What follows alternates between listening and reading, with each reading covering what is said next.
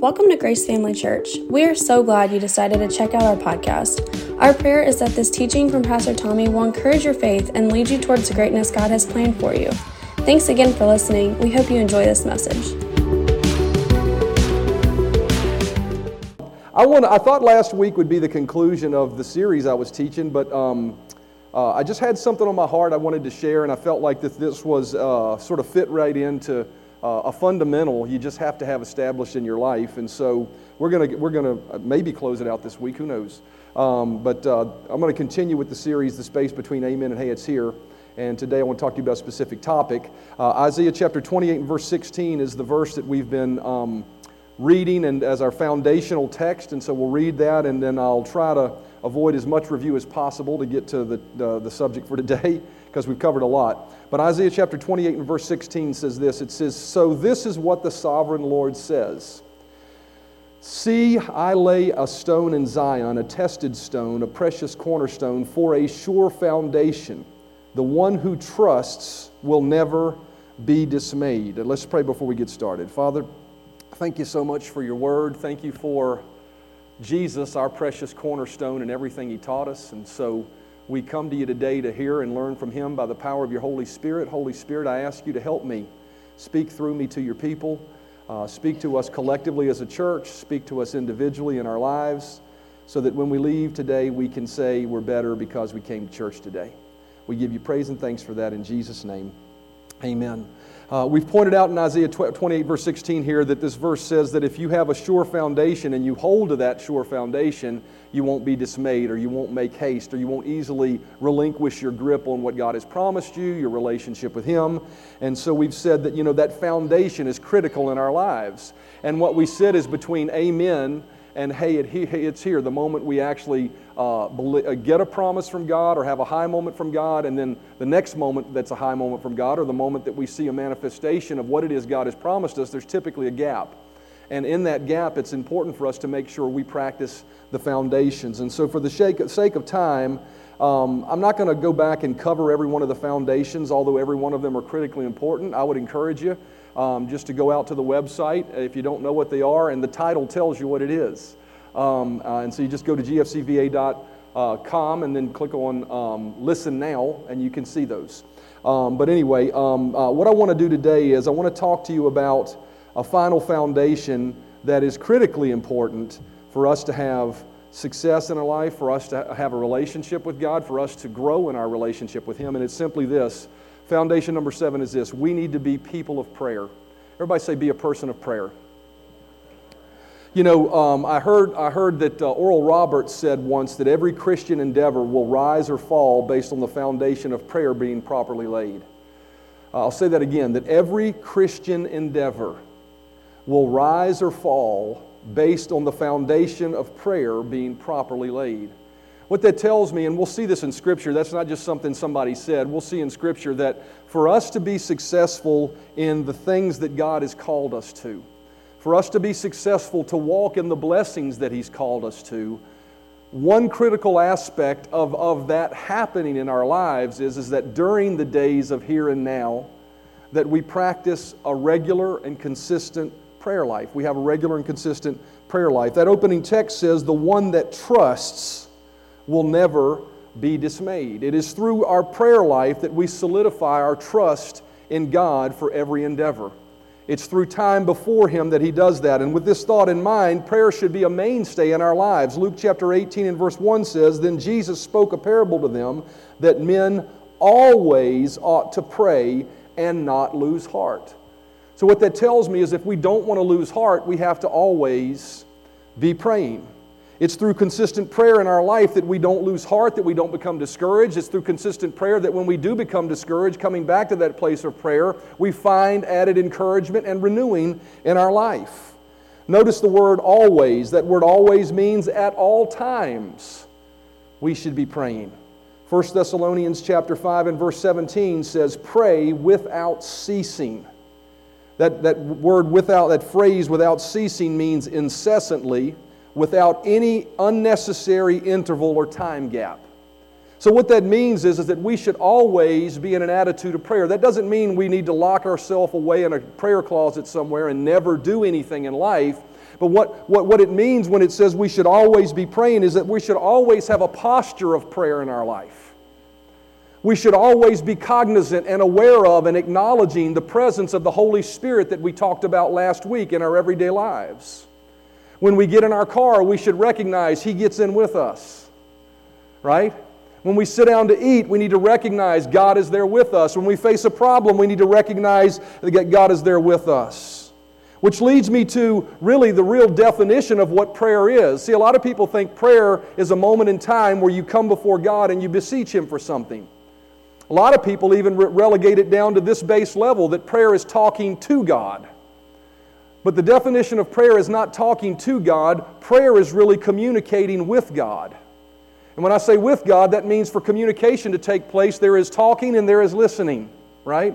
So prayer is a time uh, and it's an attitude in our life that we're constantly talking, thinking, acknowledging, listening to God. It's a prayerful attitude. So when we talk about being a person of prayer, that's part of what we mean in our coming and going, in our rising and falling, in our triumphs and losses, in our activities and in our stillness. We need to be in a posture of prayer. David said in Psalm 86 and verse 3, O Lord, for I am calling on you constantly. David's mindset was God, I am constantly reliant upon you.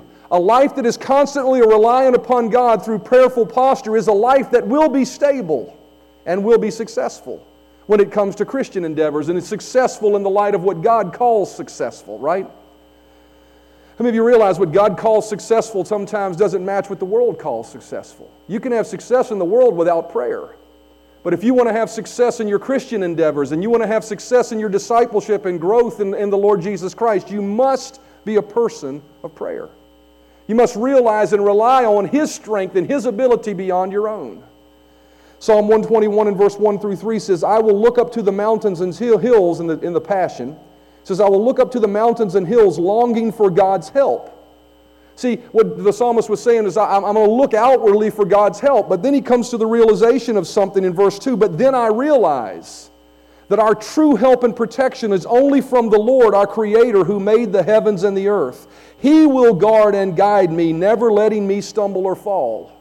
See, our success in life doesn't depend on how bright we are if we're the sharpest tool in the shed.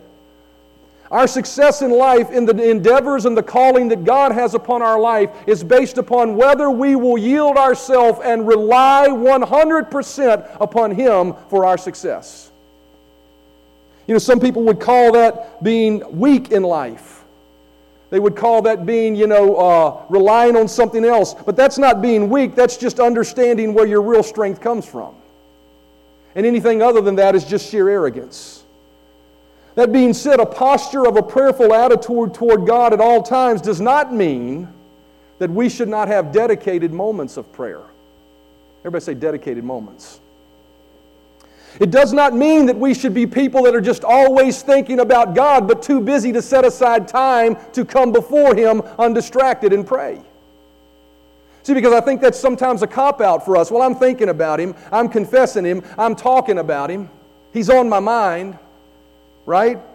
But I don't know, in a marriage relationship, Delisa, how much would you like it if I was on your mind, but I never talked to you? I never said it. It wouldn't work, would it?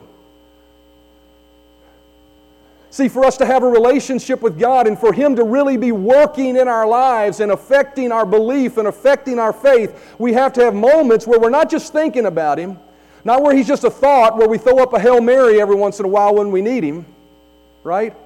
but where we're coming before Him as a very real person through the power of the Holy Spirit and we're communicating with Him in our lives.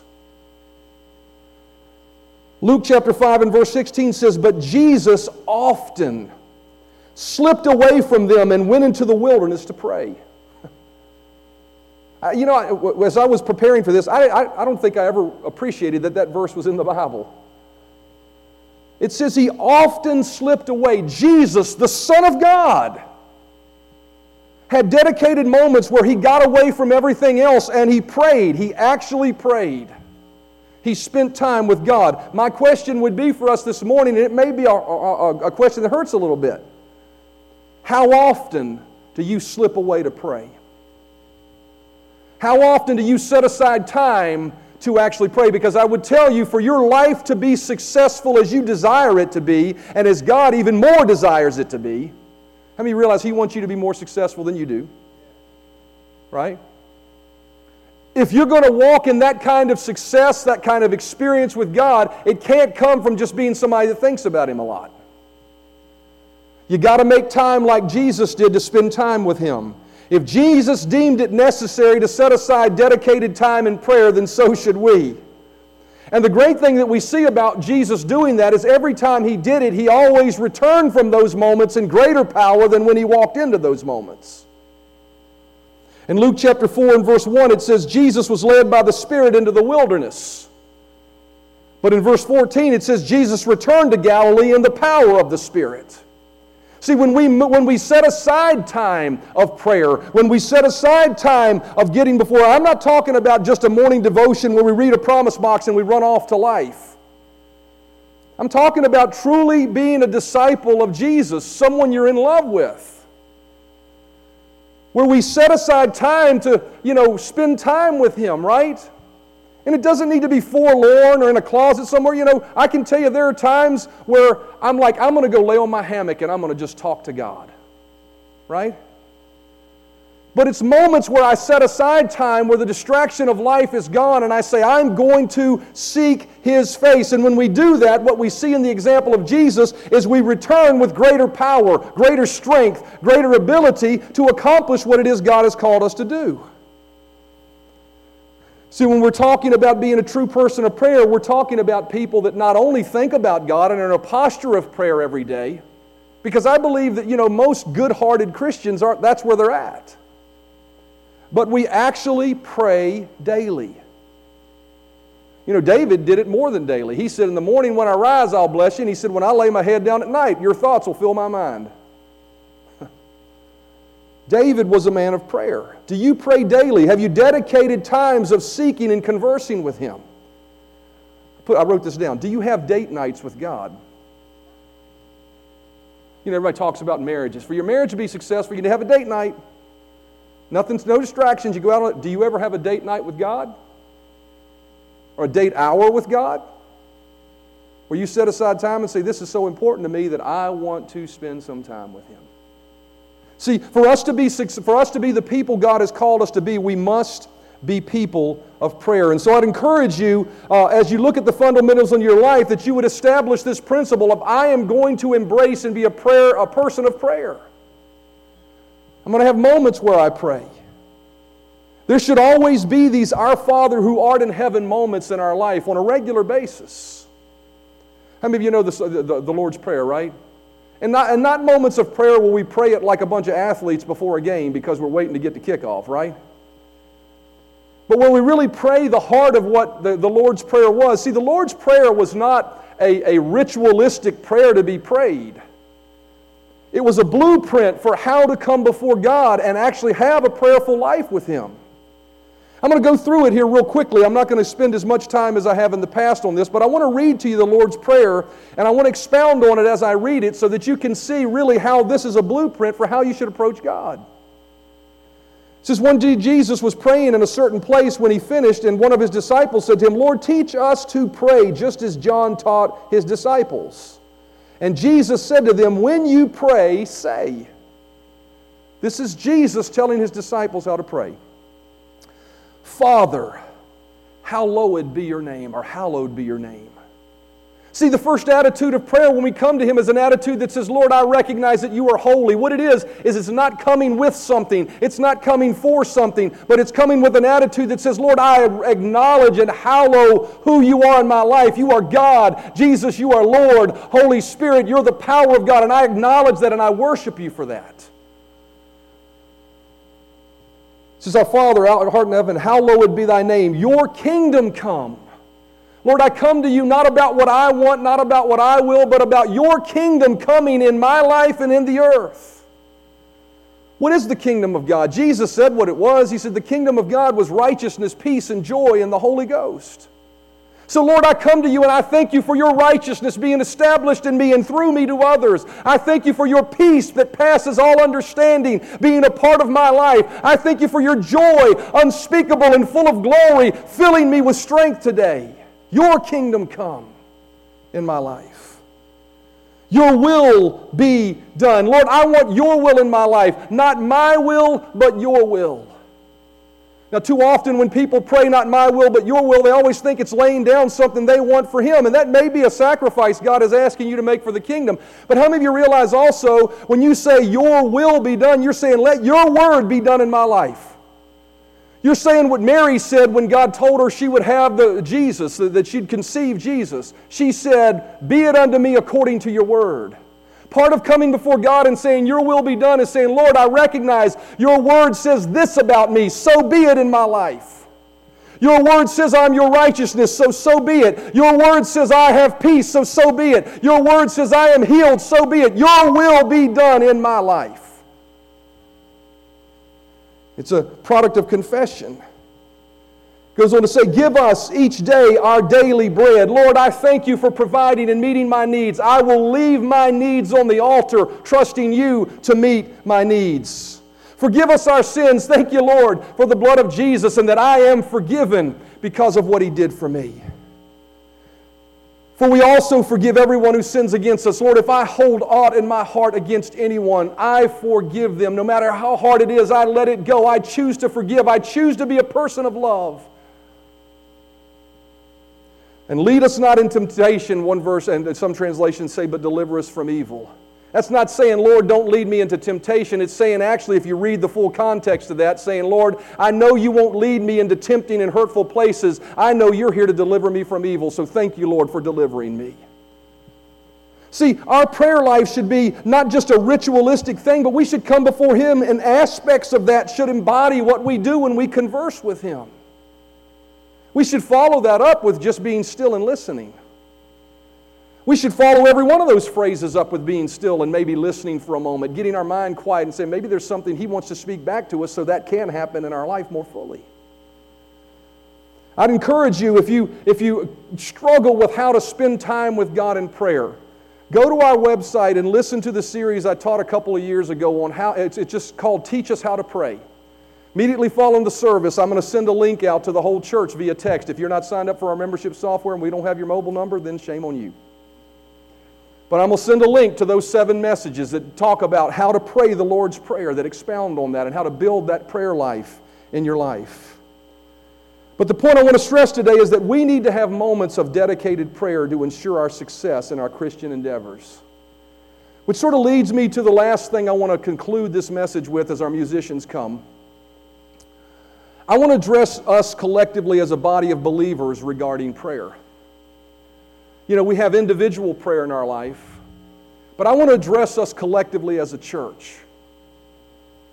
The Lord challenged me recently as I was, matter of fact, last week I alluded to it. I mentioned last week during our anniversary service that the Lord challenged me and said, You, you recognize I'm not done with this church yet. You recognize, he was basically saying, You recognize there are more people to reach, there are more people to touch, there are, there are more things I, I endeavor and I want for you all to do. As he was challenging me, he led me to this often read portion of Scripture. It has a lot to do with prayer. In Matthew chapter 9 and verse 35, it says, Then Jesus went about all the cities and villages, teaching in their synagogues, preaching the gospel of the kingdom, and healing every sickness and every disease among the people. Thank God Jesus did that. He was our example. We should be doing that. Amen. Amen. But when he saw the multitudes, he was moved with compassion for them because they were weary and scattered like sheep having no shepherd. Then he said to his disciples, The harvest truly is plentiful, but the laborers are few. Therefore, pray the Lord of the harvest to send out laborers into his harvest. During a recent time of prayer, as I said, the Lord challenged me that, there, that it is harvest time right now. That there is a world full of people who are scattered abroad as sheep having no shepherd. You know, I, drove, I drive through this neighborhood next to us every Sunday morning, and as I drove through the neighborhood, I looked at the number of cars, knowing there were four, sometimes as many as four or five cars in that driveway. And it reflected to me there are people sitting at home every day instead of choosing to come and worship the Lord.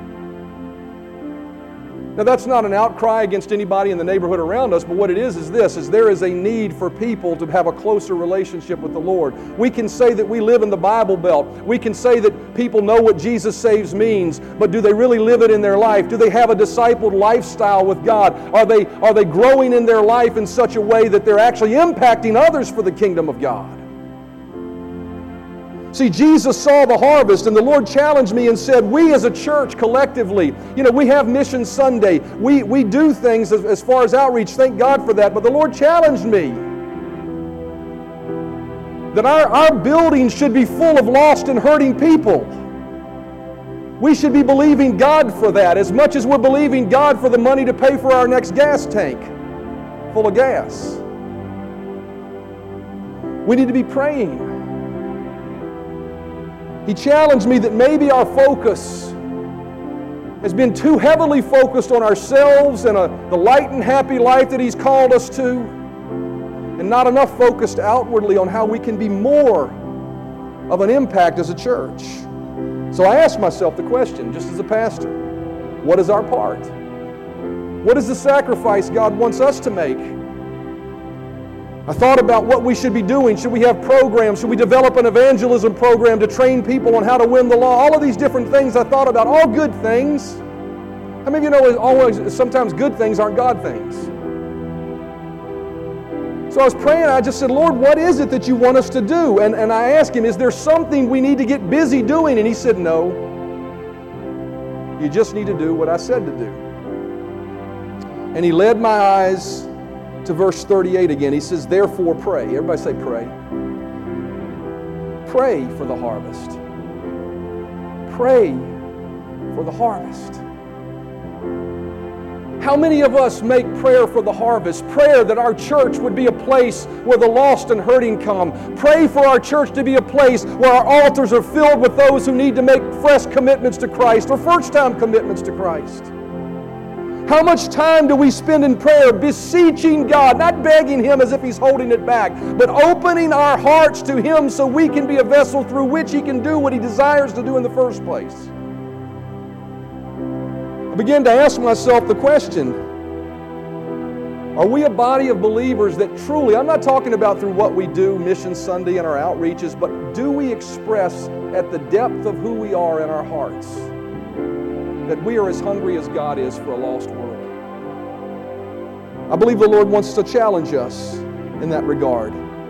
He challenged me and led me to a verse of Scripture that I've often read. I've, I've traveled, I used to travel and preach and teach in churches across the East Coast and, and train people on and, and, and, and try to invigorate churches to be more evangelistic.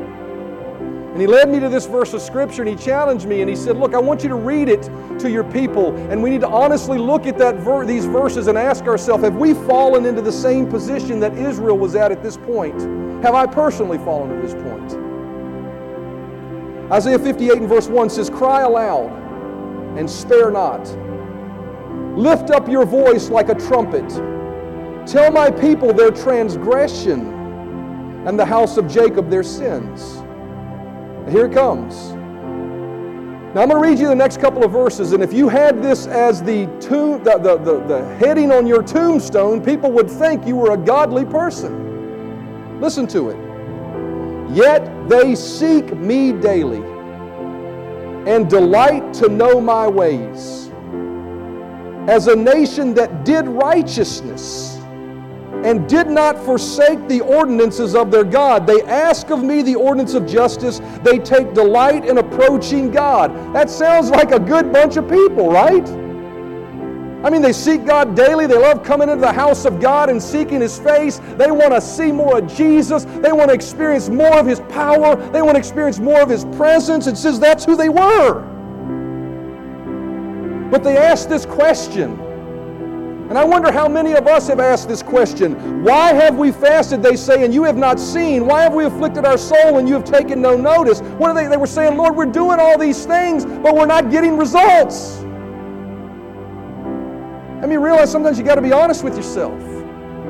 I'm not seeing my prayers getting answered like I used to see them. I'm not seeing things happening as quickly as they did. Maybe, surely, there's a devil trying to hinder and stop, right? But they were asking these questions. And here comes the answer. In fact, in the day of your fast, you find pleasure. He says, You're seeking me for you. You're seeking me for you. You're seeking me for you. That sounds great. But what he's saying is, don't seek me for you. You've already got me. I've given you my word. I've given you my spirit. Come before me, worship me, but have some aspect of you that has a deep seated passion for something more than ourselves. More than an experience, more of seeing Jesus more clearly, but really something that says, Lord, I want to see Him more clearly so that you can help me show Him more clearly to others. Is the fast that I have chosen a day for a man to afflict his soul? Is it to bow down his head like a bulrush and to spread out sackcloth and ashes? Would you call this a fast and an acceptable day for the Lord? This is what he's saying. If I called you to come and abase yourself and say how unworthy you are and how much you don't deserve him, and Lord, help me, uh, help me just suffer for you so I can know you more. He says, Is that really what I've called you to? No. Why? Because that's not who we are. Many of you realize you are the righteousness of God in Christ Jesus? How many of you realize you've been called an overcomer and a conqueror? How many of you realize that the same Spirit that raised Christ from the dead dwells in you, and greater is He that is in you than He that is in the world? How many of you realize He's given you the power to go lay hands on the sick and watch them recover? He's filled you with the Holy Spirit that we talked about last week that carries with that miracle working power. And yet we cry out with a lack of faith, Lord, give us that, when He says you already have that. Is not the fast that I have chosen to loose the bonds of wickedness, to undo the heavy burdens, to let the oppressed go free, and to break every yoke. He says, I want you seeking me so that I can work through you to help others. See, here's the, here's the sort of mystery of the gospel one aspect of it. Seek first the kingdom of God, and all you need will be added to you. You want more of Jesus? Ask for more of Jesus for somebody else. And watch Him manifest Himself through you in a way that you say, wow. I remember the day that I was born again when I was five years old, but I also remember the days that I've prayed with people that were born again, and Jesus made Himself, if not more powerful to me in those moments than He did when I did it myself. See, the Lord has challenged me that we need to be a pre people of prayer. Luke chapter 19 and verse 10 says, For the Son of Man has come to seek and to save that which was lost. Jesus' goal has not changed. There are people within a stone's throw. I say this all the time. There are people within a stone's throw of here that are hurting this morning, looking for answers. Relationships broken, emotionally broken, spiritually broken, physically broken, and they're not even thinking about turning to God for the answer. They're just writhing their hands and worrying about how can I fix this? How do we do our, what do we do? What is our part to do? I can tell you, does it mean go knock on doors and invite people? Well, that's a good thing. If you want to go do that, go do it. And we may organize some of those days. But first, Jesus said, the harvest is plenteous. What do I want you to do? Just pray. Just pray. I believe the Spirit of God wants to challenge our church collectively as a body of believers that on a daily or regular basis at least, we call out and declare that Grace Family Church is a place not where we just come in and get our praise on and our worship on and we get goosebumps because the Spirit of God moves so mightily, but Lord, it's also a place where the lost and hurting are filling our seats and our altars are being filled with people that need to know Jesus in a better way. I believe we need to make that a part of our prayer life. I would pray you'd put it on the mirrors of your house, on the mirrors of your car that you'd be praying, Lord God of the harvest, send forth laborers. Make me one of those laborers. That we pray as David did in Psalm 2:8, Ask of me, and I shall give thee the heathen for thine inheritance, and the uttermost parts of the earth for thy possession. That we would call out, God, we are hungry for you to reach people through us. Not trying to figure it out, not trying to fabricate it, because I'll tell you, if we will do that, this is what will happen. I'm telling you, if we collectively will just pray, we will have made room for the Spirit of God to do something we cannot do. He said, it says in, in the book of Acts, the Lord added to the church daily. The people in the book of Acts just simply prayed. Lord, stretch forth thine hand that signs and wonders may be done by the name of your holy child Jesus. In Acts chapter 4, they prayed. They prayed for God to work through them. Their passion was more about reaching others with the great things they'd received than it was about expanding their own personal experience with God. There's nothing wrong with loving Jesus. And Paul said, I, I count all but lost that I may know him. But yet there was a passion in Paul to go get people, to reach out to people. He prayed for people. And so we should be a people of prayer. Matthew 21, verse 13, and Jesus said unto them, It is written, My house shall be called the house of prayer. So I believe the Spirit of God is encouraging us, not to belabor the point, for us to become people of prayer in our personal lives. Set aside time daily to not just think about God, but really set aside dedicated time to pray. You say, but I don't have time. Then you don't have time to be successful as you want to be. You know why the Lord established a Sabbath day? Just to prove to people that you can do more in six than you could in seven. You can do more setting aside some time to pray than you could taking that time and giving it to what you think you need to be doing. We need to pray. And then, secondly, I believe the Lord is challenging us collectively as a church to begin to let a cry from the belly of the guttural part of this church be Lord, send us the lost and hurting. Lord, let this be a place where we don't just experience you, but those that don't know you experience you. I believe the Lord's challenging us in that regard.